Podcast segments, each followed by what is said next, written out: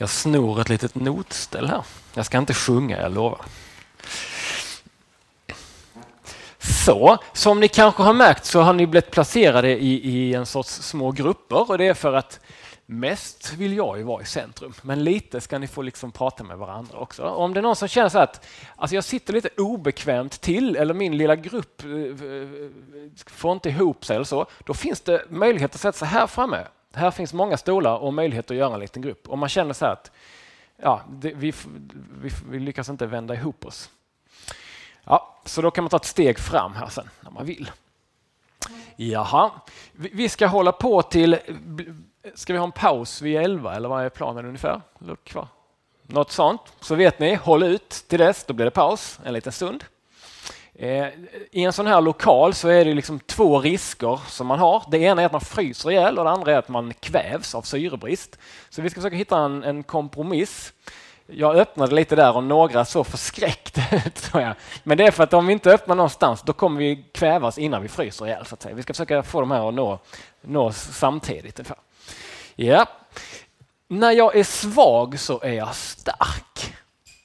När jag är svag så är jag stark. Det är ju temat på det här läget som jag har fått det till mig i alla fall. Och det är ju ett ganska konstigt uttalande, eller hur? Det är liksom två motsatser. När jag är svag så är jag stark. Hur hänger det ihop?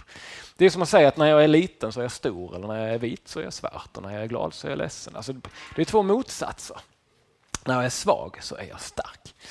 Men det står ju i Bibeln, det är Paulus som säger det. Jag vet inte hur mycket, Jakob hade en liten introduktion igår, pratade ni om det då?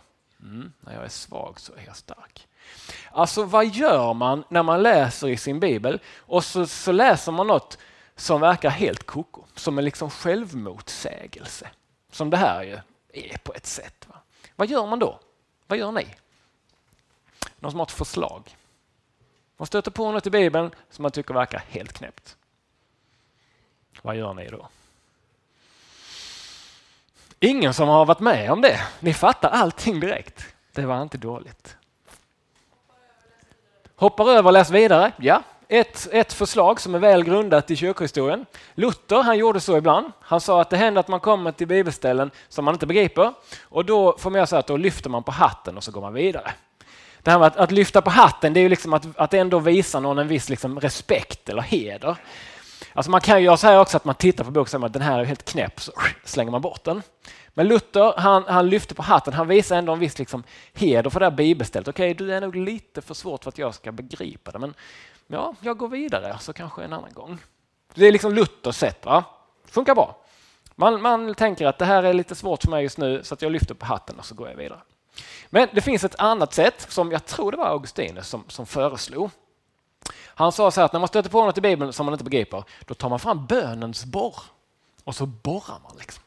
Ni vet som en här isborr eller någonting. Så står man så här. Och efter en sju, åtta, tio år, sa han, så hittar man ofta en diamant. Tänk på det. Hur gamla är ni nu? 15, 16, 17? Mm. Om ni tar fram bönens borr så när ni är framåt 25 så hittar ni en diamant. Mm. Jag tror att han har rätt, för jag tror det är så här att vi människor vi är ju liksom begränsade i vårt, vårt tänkande. Och om vi läser något i Bibeln som är liksom som, som egentligen inte lär oss någonting nytt utan är någonting som vi på ett sätt redan visste. Då tänker vi så här, ja det där stämmer bra. Det stämmer med hur jag tänker, det stämmer med mitt förstånd och mitt begripande. Liksom. Så då, då, har vi liksom kanske inte egentligen lärt oss jättemycket nytt utan vi har liksom bara bekräftat det som vi redan visste. Men om vi läser någonting som verkar helt knäppt så är det ju för att det som, som står där är så högt över det som vi tänker. Det är liksom, vi behöver göra en jätteresa för att förstå. Va? Det är som att om man aldrig har läst matematik och så är det någon som, som drar eh, Runge Kuttas metod. Har ni läst den i era så här formelsamlingar? Det är en matematisk eh, metod som ja, lite för krånglig för mig kan man säga. Men om jag väl skulle liksom förstå den, då skulle jag verkligen utveckla mitt matematiska tänkande. Och så är det med, med olika bibelställen också. Och det är därför som Augustinus säger att om man börjar borra på ett sådant ställe, då hittar man ofta en diamant, alltså något väldigt värdefullt. Något som verkligen kan utveckla mitt tänkande och min förståelse. Så att det, det är en taktik Så att säga. Ta fram bönens borr och borra. Och efter sju, åtta år, inte mer än så, ibland kan det gå på en dag eller en vecka eller en månad, det vet man inte, men ibland tar det tid. Så hittar man en diamant. Så eh, sök diamanter. När jag är svag så är jag stark. Det kan vara ett sånt ställe som är liksom ogenomträngligt och svårt och verkar konstigt. Man kan lyfta på hatten och gå förbi eller så tar man fram bönens borr. Svag skriver vi här. Stark. Så idag så ska vi syssla med hur de här två liksom begreppen förhåller sig till varandra. Hur kan man få ihop och begripa när jag är svag så är jag stark. När man är 39 år gammal som jag är, då eh, har man inte så mycket fritid. Men ni undrar kanske vad gör man på sin fritid när man är 39 år gammal? Och en sak som en del gör, det är att man läser små tidningar, till exempel den här. Den heter Gör det själv. Gör det själv. Det är en tidning för män i min och Martins ålder som gärna håller på att snickra lite hemma. Och gör det själv, det är liksom inte något sånt där att man ska vara lat, utan det är liksom att man ska göra allting själv. Man ska vara oberoende, man ska inte behöva ringa snickaren eller rörmokaren eller elektrikern. Mm. I den här tidningen så finns begreppet stark flera gånger på varje sida. Här till exempel, bygg en stark grind. Eller fem starka val av borrmaskin. Eller ja, allting ska vara starkt enligt den här tidningen. Så det verkar som att begreppet starkt är ett så väldigt positivt ord. Det är något som man vill vara, det är liksom ett ideal att vara stark. Allt som är starkt är bra, tänker man. Och själv ska man också vara stark så man kan göra allting själv. Gör det själv, heter det i tidningen till och med.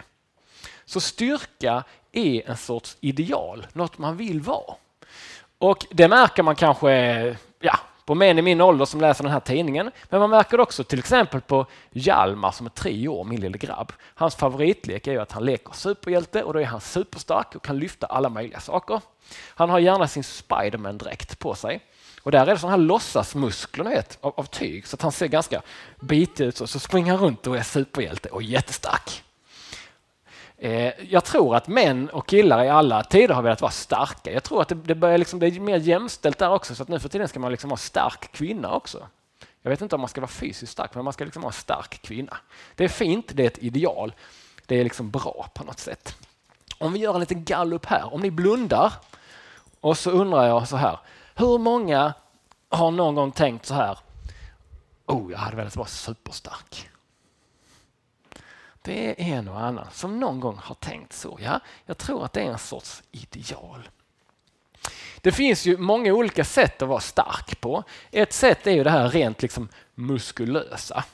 Det är inte bara treåringar som Hjalmar som försöker se starka ut. Marcus Schenkenberg sägs ha opererat in silikonmuskler i sin mage. Och här på armarna också. Mm. Så att han ska se stark ut. Mm. Eh, det jag funderar på det finns ju många sätt att vara stark. Ett är det rent muskulära. Nu skulle jag vilja att ni i era små grupper vänder er mot varandra och så tänker ni ut några fler sätt att vara stark på. Förutom det rent fysiska. Klura på det i några minuter. Då ska vi se vad ni har kommit fram till. Om vi börjar eh, längst bak gruppen framför Narniaskåpet där. Har ni något sätt så man kan dela upp det lite så fysiskt och psykiskt. Ja, hur är man när man är liksom psykiskt stark? Mm. Mm. Det är en sorts mod kanske då? Mod skulle kunna vara en, en psykisk styrka. Så. Jaha, och eh, gruppen framför där, har ni något förslag på hur man kan vara stark?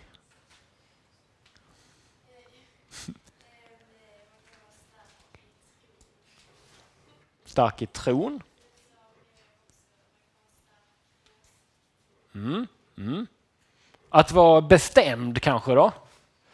Mm. Bestämd och stark i tron skrev ni här också.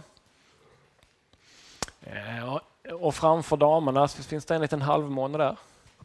Vad kom ni fram till? Det där, ja. Mm. Ni instämmer med föregående talare, ja. Och längst fram, någon, någon komplettering eller är det färdigt? Ingen? De har sagt allt, ja.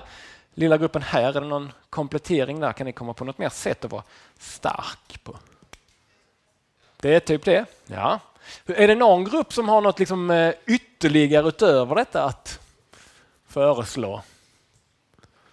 Mm, ja. Uthållig, jajamän. Det kan man vara både fysiskt och psykiskt. Va? Uthållig skrev vi här. Det är ju en sorts styrka. Ja. Ja. Mm. Är det liksom en styrka eller är den färgstark? Kan man säga så? Eller? Ah. Ja, just det. Stark personlighet skriver vi här. Stark personlighet. Ja. Hmm. Finns det fler sätt att liksom vara stark på då? Hmm. Ja, alltså jag, jag, tror det finns ännu fler. Om man, om man är väldigt intelligent till exempel så är det en sorts styrka, eller hur? Va? Man kan vara stark i läsning och skrivning i skolan och sådär. Va? Vi skriver intelligens här. Intelligens. Om man, inte, om man är ute på liksom, eh, krogen och kanske inte har jättestora muskler men ändå vill visa att man liksom har en sorts styrka så kan man köpa väldigt, väldigt eh, dyra drinkar. Vad är det för sorts styrka som man demonstrerar då? Ekonomisk styrka, va? man kan vara rik. Ekonomiskt stark kan man vara. Ni vet när länder bråkar och sådär så är kanske inte det viktiga nu vem som har flest soldater utan det är kanske vem som har störst BNP. De har störst makt i slutändan kanske. Ha, vad kan det mer finnas? Alltså det här att vara liksom intelligent. Man kan ju vara bra på andra saker, spela instrument till exempel eller sjunga eller så. Man kan vara kompetent på något sätt. Det är också en sorts styrka, att vara väldigt duktig på någonting. Eh, man skulle, jag vet inte om ni var inne på det, men att vara en stark personlighet, alltså man kan vara socialt stark. Vad betyder det? Vad kan, vad kan jag mena med det? Socialt stark. Det betyder att man kan liksom väldigt lätt få kompisar och umgås med alla. och sådär, va? Martin till exempel, man slänger ut honom på en högstadieskola eller ett pensionärsmöte eller en bilfirma eller vad som helst så kan han liksom bli polare med alla på fem sekunder. Då är man socialt stark. Eller va? Så det är också en sorts styrka.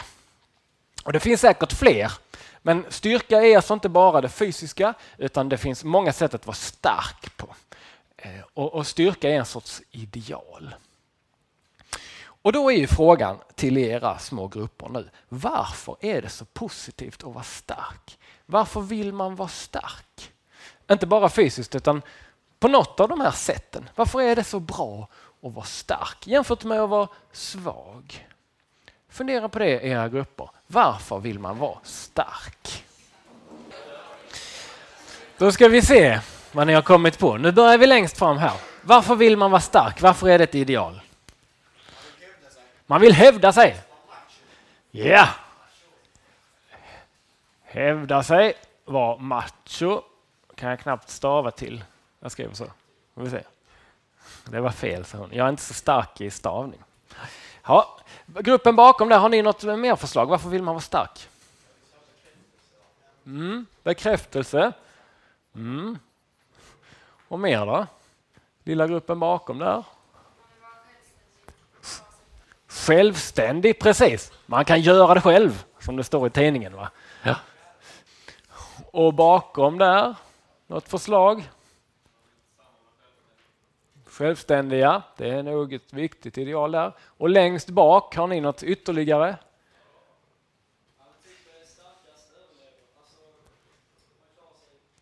Ja. Mm, mm. Man överlever. Survival of the fittest, som man säger. va? Mm. Den starkaste överlever. Jaha. Andra halvan här, någon, någon ytterligare komplettering. Vad tänker ni? Varför är det ett ideal att vara stark? Man anses vara bättre, precis. Mm. Finns det något, någon mer komplettering? Varför, varför är det ett ideal att vara stark? Varför vill man det? Jag, jag tänker så här att det har ju också att göra med jag tror att jag menar samma sak som ni, alltså det här att, bli, att hävda sig få bekräftelse, att bli beundrad kanske. Ja. Man ser liksom eh, idrottsstjärnor eller filmhjältar, de blir ju alltid beundrade och så. Det vill man bli. Men sen kan det ju också vara så att man kan utföra mycket. När man, har, när man är stark på något av de här sätten så kan man utföra mycket. Och man kanske har många saker som man vill få gjorda. Utföra mycket. Man kanske vill förändra något i världen eller man kanske vill hjälpa en massa människor eller man kanske vill... Ja, jag vet inte vad man vill. Men, men om man är stark på olika sätt så är det lättare att, att få saker gjorda, att nå sina mål. Eh, något mer som man kan göra om man är stark det är att man kan tvinga andra. Eller hur? Mm. Tvinga andra. Eh, och det är ju också så att man kan eh, man kan liksom göra som man vill. Man behöver inte ta hänsyn till vad andra tycker. Om man är starkast så gör man som man vill. Det är ingen som kan stoppa en. Göra som man vill. Det har ni kanske varit med om i skolan och sådär. Va? Starkaste killen på skolgården, han gör som han vill. Han bestämmer reglerna på fotbollsplanen. Sådär. Så kan det vara. Mm. Eh, ni har sagt det här med överlevnad. Jag tänker att det har att göra med att man inte behöver vara rädd också. Va? Om man vet att man är starkast behöver man inte vara rädd för någonting.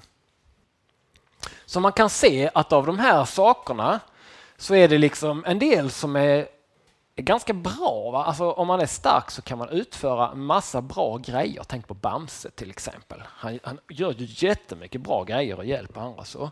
Men det finns också massa dåliga saker man kan göra när man är stark. Det kanske inte är så bra det här att tvinga andra och alltid göra bara som man själv vill. eller så. Så att det här med styrka är liksom en sorts stort ansvar. Och då menar jag inte bara fysisk styrka utan även det i att vara väldigt intelligent. Till exempel man kan använda sin intelligens på många olika sätt.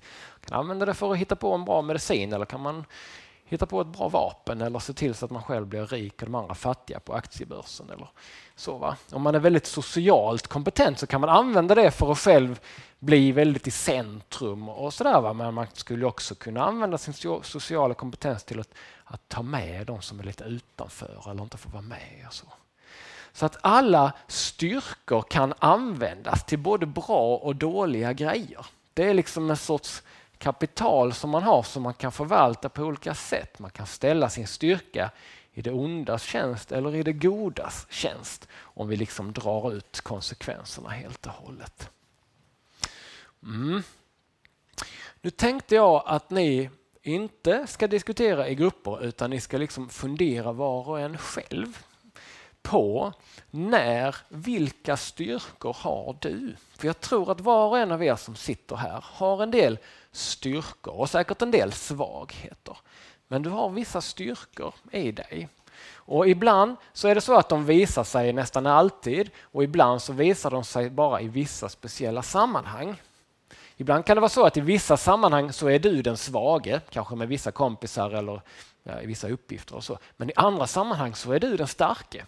Kanske i förhållande till dina yngre syskon eller ja, beroende på vad man har för uppgifter. Så I vissa sammanhang så är man stark och i vissa sammanhang så är man svag. Och man har vissa inbyggda styrkor i sig och man har vissa svagheter. Och Det jag vill att du funderar på det är nu, vilka styrkor har du?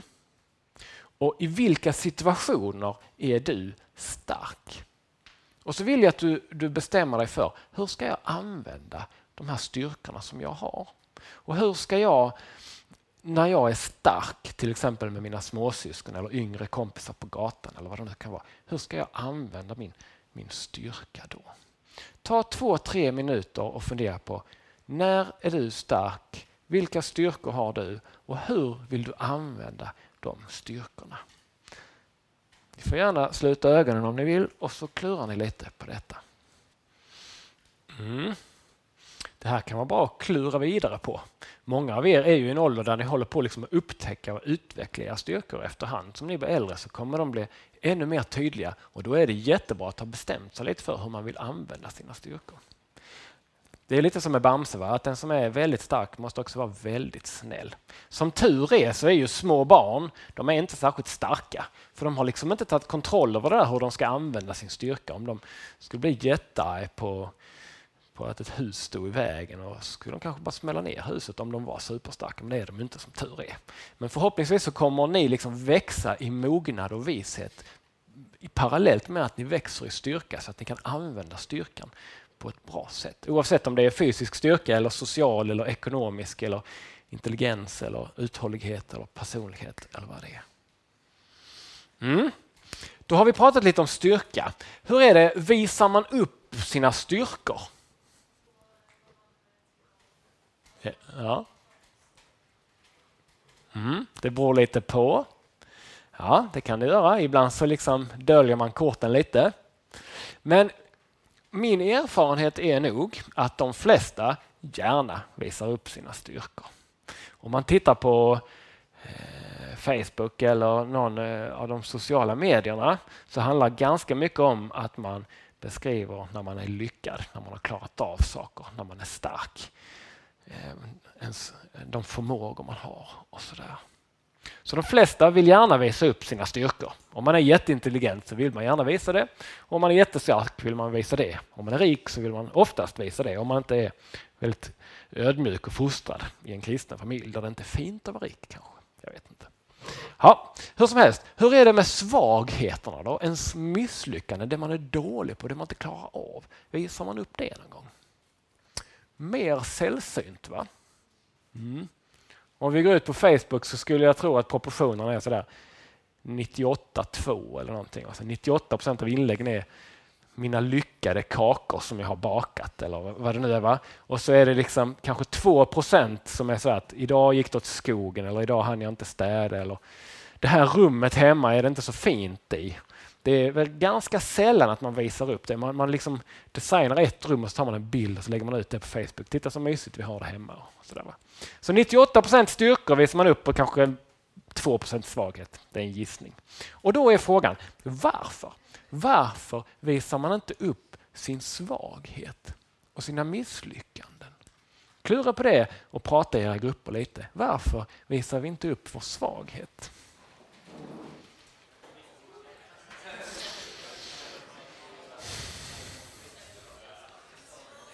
Då ska vi se om ni har löst denna psykologins gåta. Varför visar vi inte upp vår svaghet? Nu får vi nog börja med den gruppen där. Vad kom ni fram till? Mm, mm. Just det. Så det är lite det här att man vill bli eh, beundrad och sådär. Och så tänker man att om man är stark då blir man allt detta, beundrad och, och så. Mm. Någon mer fundering? Om vi tar gruppen där i mitten, varför tror ni inte att man visar upp sin svaghet? Nej, just det. Så om man är svag och man visar upp sin svaghet, då kan folk tycka illa om en. Hmm. Folk tycker illa. Amen. Ja. Någon mer fundering? Den lilla gruppen vid väggen där, vad tänkte ni på? Typ det som är sagt. Ja, ni är rätt så eniga här. Mm. Någon, någon, som har någon, eh, någon mer komplettering, någon annan tanke om det här? Varför visar man inte upp sin svaghet? Ja, ja.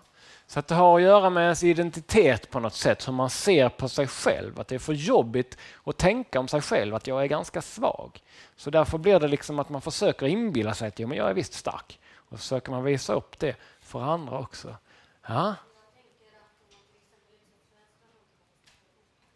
Ja. Mm. Precis. Ja. Så kan man ganska ofta göra. va? Om det är något som att man vet att man är dålig på Och man, om man liksom, det är ju lätt om man sitter och snackar en kväll och ändå låtsas att man är ganska bra på fotboll kanske. Men när man väl kommer på fotbollsplanen då inser man att aj, aj, aj, här kommer det liksom avslöjas. Och då fattar man ju att då är det ju bättre att jag själv berättar det än att alla de andra ska se det. För det jobbigaste är ju om liksom masken faller, om man har satt upp en fasad att man är jätteduktig på fotboll och sen visar det sig att man är kass. Det är ju jättejobbigt. Va? Då är det ju bättre att man själv har sagt jag är jättedålig på fotboll. Och så visar det sig också, men det gör inget för man har redan sagt det. Så det är också för mig ett sätt att skydda sig på något vis. Va? Mm. Och, och, kanske så lägger man till då, badminton däremot, det har jag spelat i hela mitt liv. Alltså det här med fotboll är inte så viktigt för min identitet, utan min identitet är att jag är badmintonspelare eller violinist eller någonting sånt. Alltså man sätter, försöker sätta fokus på någonting annat, något område som man är stark på. Ja, jag tror att vi människor vi inbillar oss lite så här att om man är stark, då blir man liksom omtyckt och älskad. Så tänker vi. Och om man visar sig svag, då blir man illa omtyckt eller ignorerad kanske eller inte intressant eller folk bryr sig inte om en. Och så. så tror jag att vi människor ofta tänker. Men frågan är, är det sant? Är det så att man blir mer älskad om man är stark och mindre älskad om man är svag? Fundera på det i era grupper. Blir man mindre älskad om man är svag och mer älskad om man är stark? Då ska vi se vad ni kommer fram till. Gänget här med unga män som går på gymmet. Vad har ni kommit fram till? Blir man mer älskad om man är stark? Tror ni det? Mm. Mm. Ja.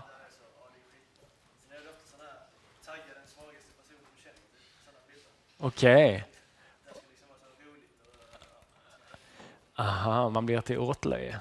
Mm. Mm. Okej, okay. ja det vill man ju inte. Mm, någon mer som har någon åsikt om detta? Blir man mer älskad om man är stark? Vad tror du?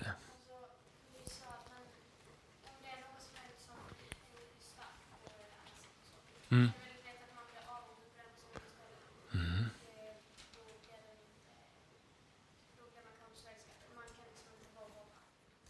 Mm. Ja, just det. Man blir liksom en konkurrent istället på något sätt. Ja, så kan det vara. Någon mer fundering kring detta? Blir man mer älskad om man är stark? Inte av Gud. Se där, se där. Ja, ja. Jaså, hur vet du det? Vadå? Nähä? Nähä? Hur ska vi då veta det? Då tycker jag ni ska fundera lite på det. Vi, vi ska återkomma till det här om man blir mer älskad av människor eller inte. Jag tror att det handlar om där om man kan skilja på älskad och beundrad. Jag tror ofta att man blir mer beundrad om man är stark, snygg, snabb, intelligent och så. Men jag tror kanske inte man blir mer älskad. Och det är inte alla människor som kan skilja på det. Och jag tror att man rätt så ofta söker beundran och bekräftelse när man egentligen vill bli älskad.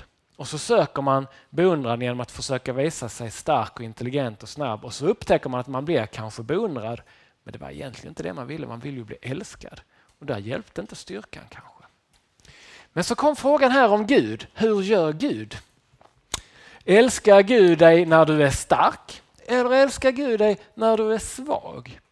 Och så fick vi en synpunkt här från, vad heter du?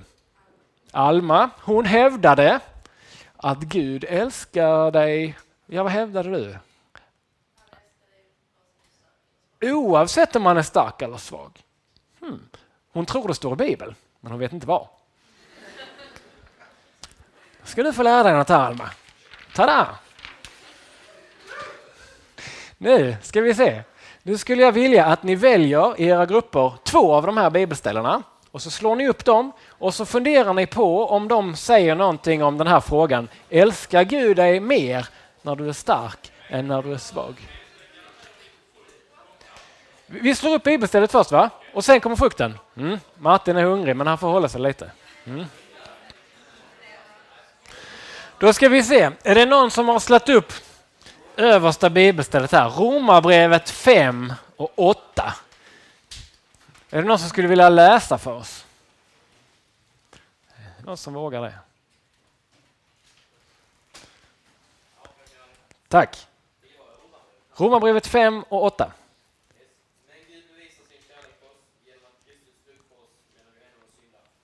Yes! Alltså, Gud bevisar sin kärlek, han älskar oss när vi är starka och fromma. Nej, det stod det inte. Medans vi ännu var syndare. En syndare det är ju en som missar målet, som inte klarar av det man skulle göra, som inte är som man borde vara. Alltså en svag person. Gud bevisar sin kärlek, han dör för oss medan vi ännu var syndare. Det var inte så att först fick vi liksom kämpa oss goda och fromma och duktiga och starka och sen sa Jesus okej okay, nu frälser jag dig för du har blivit så duktig. Nej, medan vi var syndare så dog han för oss. Tyder ju på att Gud kan älska oss även när vi är svaga, eller hur? Va? Mm. Så första bibelstället pekar i Almas riktning kan man nog säga. Nästa bibelställe, Matteus 12 och 20. Vem har slagit upp det och vill läsa för oss? Tack.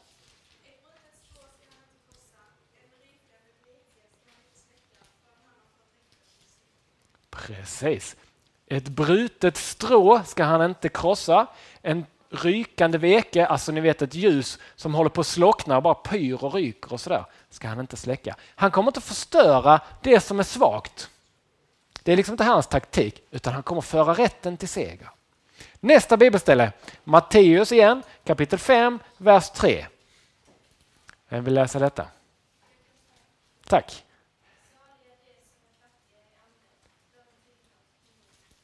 Saliga är de som är fattiga i anden. Vad betyder det? Ja, men det betyder nog att man inte är kanske jätteintelligent, jätteskärpt, som inte har någon stark tro och så vidare. Fattig i anden, alltså kategorin svag. Saliga är de, för dem tillhör himmelriket. Alltså, himmelriket tillhör de svaga. Märkligt va? Nu börjar vi ana vad Paulus funderar på här. Sista bibelstället innan fruktstund, Markus kapitel 2, vers 17. Vem vill läsa det? Tack.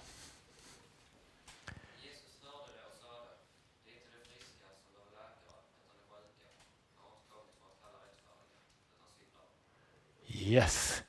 Det är de sjuka som behöver läkare, det är de svaga som behöver Jesus. Och han har kommit, inte för att kalla de rättfärdiga, de starka och duktiga, utan för att kalla syndare, de sjuka och svaga.